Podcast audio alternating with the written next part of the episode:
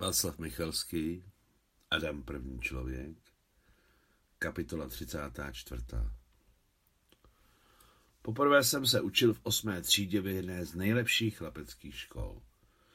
Dnes se to může zdát divné, ale tenkrát byla výuka rozdělená. Kluci a mladíci se učili v jedných školách a holky a dívky v druhých. Škola, do které jsem tenkrát chodil, byla po městě široce známá ale opravdu významná se v pedagogických kruzích stala tím, že v prvním čtvrtletí osmé třídy jeden chlapec osobně odsunul nejlepší školu v republice na 4% úspěšnosti. Měl ve čtvrtletí 11 čtyřek ze všech předmětů, kromě tělocviku, z něhož mu, aniž by se s ním někdy viděla tváří tvář, dala tělocvikářka trojku, protože vůbec nikdy nikomu nedávala špatné známky. Ministr školství RSFSR měl v nějakém svém referátu o tomto chlapci celý odstavec. Tím chlapcem jsem byl já. Zdá se, že jsem psal, že jsem chodil do spousty škol. Měnil se mi tak často, že jsem se nestačil seznamovat ani se svými rastevníky spolužáky a oni se ke mně chovali ostražitě, jako k neznámému a pravděpodobně nebezpečnému jevu přírody. Navíc, že pokaždé, i když jsem jim o tom nereferoval, moji spolužáci nějakým způsobem zjišťovali, že místo mého pobytu je část Gurgur Aul, známý v našem slavném nešťastném městě Bachačkale tím, že se tam cizákům doporučovalo nechodit. V lavici jsem vždycky seděl sám. Obvykle jsem si vybral poslední u okna. Tam se mi nejpohodlněji četly knížky, a pokud jsem během hodiny nečetl, tak jsem spal, položiv si na ruce svoji rozcuchanou hlavu. V osmičce jsem z neznámého důvodu docela často spal, než četl. Zřejmě chlapecká muka ducha a těla s každým dnem nabírala na síle a pořádně mě vyčerpávala. Ano, ten rok jsem zpravidla nečetl, ale spal na hodinách pod monotónním výkladem pedagoga nebo méně rovnoměrným mumláním mých zakoktávajících se spolužáků, kteří byli vyvoláni k tabuli. Sám jsem k tabuli nikdy nechodil. Když mě vyvolali, zvedlal jsem hlavu a s odmítavým zavrtěním jsem se znovu pokládal na ruce. Automaticky mi dávali čtyřky a někteří nejprincipiálnější pedagogové pětky. Ale jednou nám na hodinu fyziky přivedla ředitelka školy novou učitelku. Byla úplně mladinká, plavovláska s nádherně jemnými vlasy a stejnou barvou obličeje, ze kterého jakoby vycházela záře. A v jejich zářících hnědých očích bylo tolik světla, že to jakoby se zmocňovalo celé třídy. Ředitelka představila učitelku jako Jekaterinu Ivánovnu a nechala ji samotnou z naší osmou B nebo A, teď si to nepamatuji, asi proto, že ani tenkrát jsem do takových detailů nezabíhal. Učitelka se postavila za pro ní spásný dýhový stupínek, který trčel u tabule v naší učebně fyziky. Tenkrát letěla móda dělat ve školách učebny fyziky, chemie a biologie. Tyto učebny se ničím nelišily od typizovaných tříd, jen žáci neseděli v lavicích, ale u stolů zlakované dřevotřísky a na židlích. A ještě před tabulí bylo malé vyvýšení, jako by druhá úroveň, 20 až 25 cm nad podlahou a navíc ještě mimo tabule dýhová, tmavohnědou olejovou barvou natřená tribunka, za níž se schovala nová učitelka. Jak mě a domnívám se i ostatním se vůbec nezalíbilo, že učitelka zašla za tribunku, protože jsme si celkově nemohli prohlédnout postavičku Jekateriny Ivanovny ale jakmile promluvila, zapomněl jsem jak na její postavu, tak na to, že musím spát s hlavou položenou na ruce. Hlas měla slabý, velmi vzrušený a něžný, vyzývavý. Vyzývala nás pochopit Toričeliho vákuum nebo Boilův Mariotův zákon. Teď si to přesně nepamatuji, ale mně se zdálo něco jiného, co horce vzrušovalo každou krvinku v mém těle. Váštivě jsem soucítil s jejím zrušením. Její bázni něco poplést, zamotat, zapomenout potřebná slova. Spolu s ní jsem prožíval tento neklid.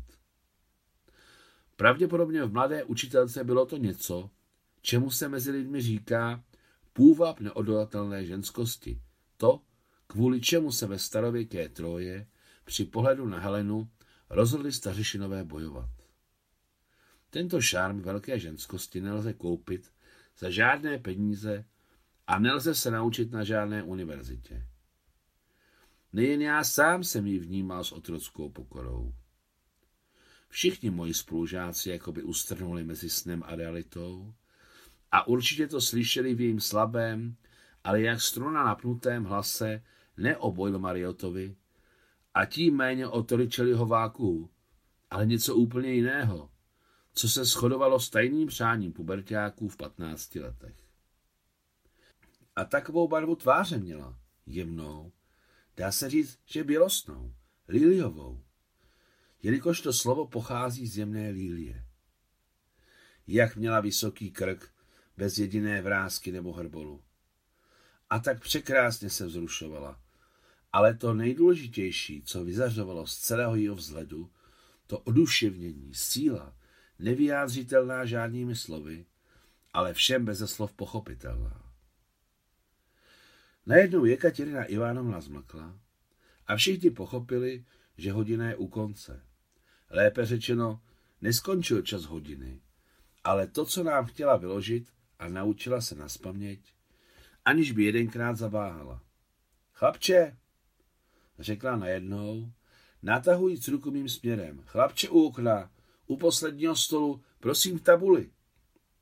A tady se stal zázrak. Vstal jsem a šel k tabuli a vystoupil na stupínek před ní a uviděl překrásnou učitelku tak zblízka, že se mi zatočila hlava. Chlapče, můžeš odpovídat? Zeptala se Jekaterina Ivanovna, když si všimla mého stavu. Mohu, řekl jsem poté, co jsem se vypořádal s točením hlavy a neotrhával oči od její jamky pod krkem. Paměť jsem měl vynikající a poprvé jsem na hodině vyslechl všechno od A do Z. Zopakoval jsem prakticky všechno, co bylo řečeno, doslova. Ale nemohl jsem odpovědět ani na jedinou otázku, která se týkala podstaty věci. Ano, dobrá práce. Záříc jasnýma hnědýma očima na bělostné tváři, řekla mladinká učitelka. Paměť máš jako rozvědčík, ale v podstatě si nic nepochopil. Proto ti nedávám jedničku, ale trojku s plusem. Sedni si.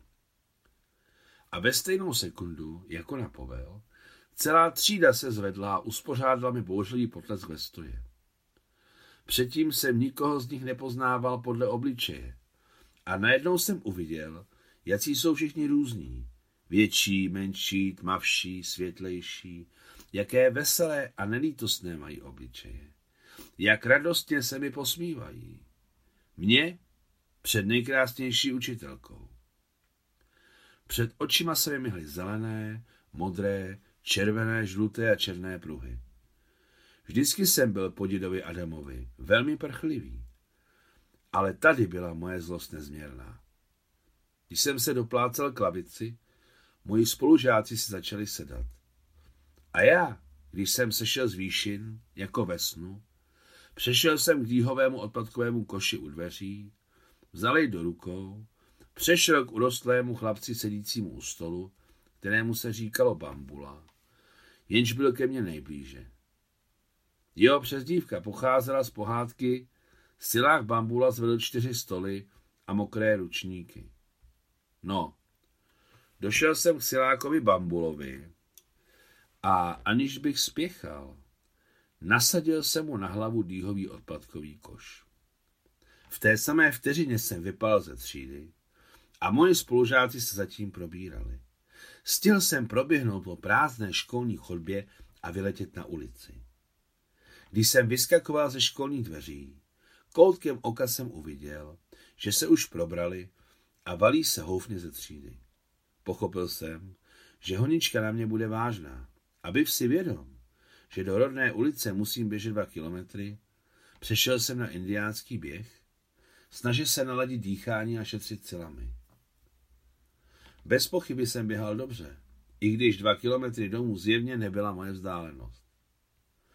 Ale za to, jakou jsem měl motivaci. Honička. Nepochyboval jsem, že pokud mě dohoní, tak mě ušlapou. První kilometr jsem proběhl poměrně lehko. Zaostávali za mnou 100 metrů a nebylo jich už 30, 35, ale mnohem méně. Ještě po 300 metrech jich za mými zády zůstávalo 7-8, ale za to vzdálenost mezi námi se začala výrazně zkracovat. Všiml jsem si, že mnou poškozený bambula vedl svou skupinu a zamyslel se, že z toho vyplývá, jak je to silný kluk. To mi radost neudělalo. Pochopil jsem, že v bambulově skupině, která zůstala, jsou samé silné děti a zamyslel se nad tím, že bych se chytil za korbu paralelně jedoucího nákladňáku. Ale okolo mě, jako na potvoru, neprojel ani jeden nákladňák, ale jen všelijaké dodávky. Podle kalendáře byla zima, leden. U nás na dvoře zářivě svítilo slunce, zhorvanul teplý vítr Mohamed a dokonce i stromy ještě plně neopadaly. Jedním slovem, počasí bylo nádherné a venku nebylo méně než 15 stupňů tepla. Nohy jsem měl stále těžší a těžší. Byť jsem nechtěl, zpomalil jsem, a tlupa mě zjevně dotahovala, zkracujíc vzdálenost mezi námi metr za metrem. Začal jsem se rozlížet do stran naději, že uvidím nějaký železný prut nebo tlustý klacek. Ale ani jedno, ani druhé nikde po cestě nebylo. A oni mi dupali za zády pořád blíž a blíž. Nakonec se zákáty objevila naše nemocnice číslo 7 a tam i křižovatka mé rodné ulice. Od této křižovatky začínal Gurgur Aul, což znamená krocení Aul. Nevím, kde se tam nacházeli krocení, ale za mě tam nebyli. Při pohledu na rodnou křižovatku jsem sebral všechny síly na závěrečný finish, poslední síly. Před očima jsem měl mžitky, nohy se mi pohybovaly ochable, dýchat mě bolelo a v hrudi pálilo. Chápal jsem, že mohu upadnout na cestě a tehdy mě dostihnou a zuřilosti skopou. Mezi mnou a mými pronásledovateli zůstávalo 50 metrů, 40, 30. Už jsem neběžel, ale jako bych plul ve váku. Ale tady byla ta posvátná hranice.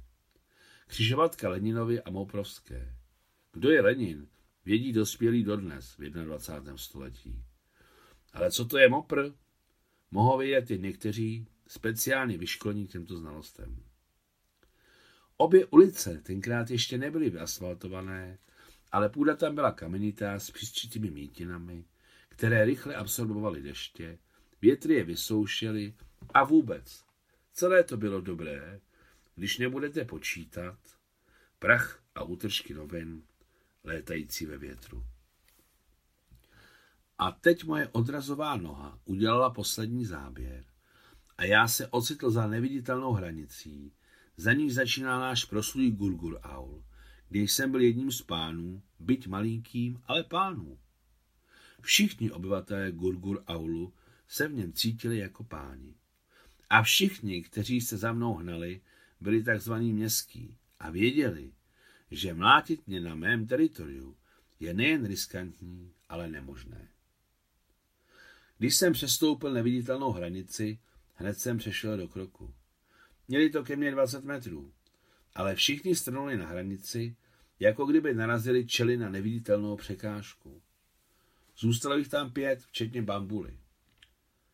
Plivl jsem přes levé rameno přímo jejich směrem a začal zhluboka dýchat a zvedat ruce, aby chytil ztracený dech. Zastavili se, postáli, otočili se a mašírovali zpátky do školy. Co se mě týče, tak do téhle školy jsem se nevrátil ani pro tašku, která tam zůstala jako záruka budoucího štěstí. Během 200 metrů jsem konečně přišel k sobě.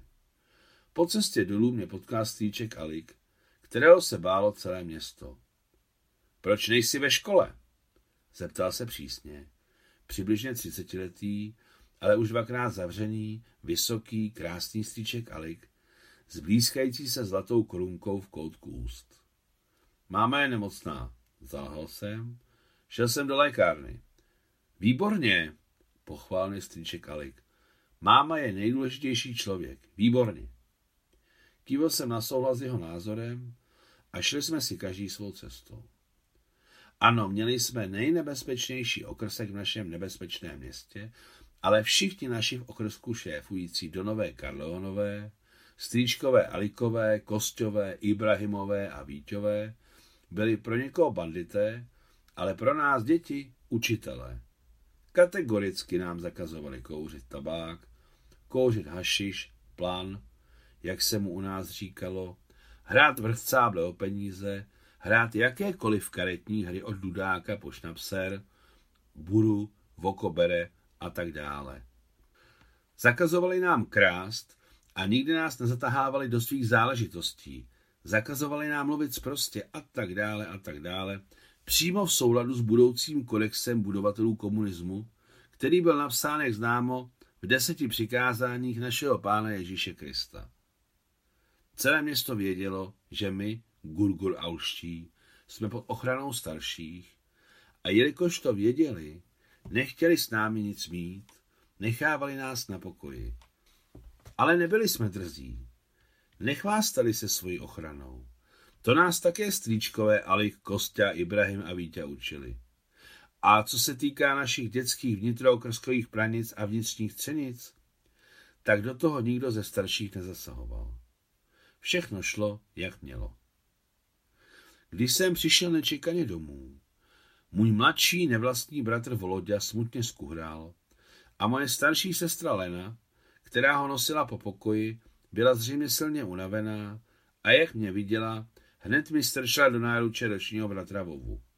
Hele, no zo chvíli, než přijde máma. Má teplotu. Musím běžet do institutu aspoň na dvě hodiny. Se smíšenými pocity viny a neochoty jsem vzal do náručí velmi horkého bratra Vovu a začal s ním chodit po velkém pokoji. A jakmile Lenka odešla, hned se ho položil na postel v malém pokoji.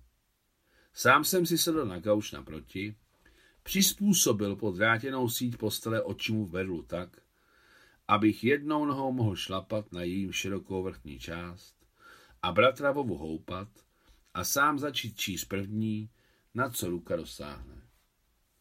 Ruka dosáhla na Čechovu knihu.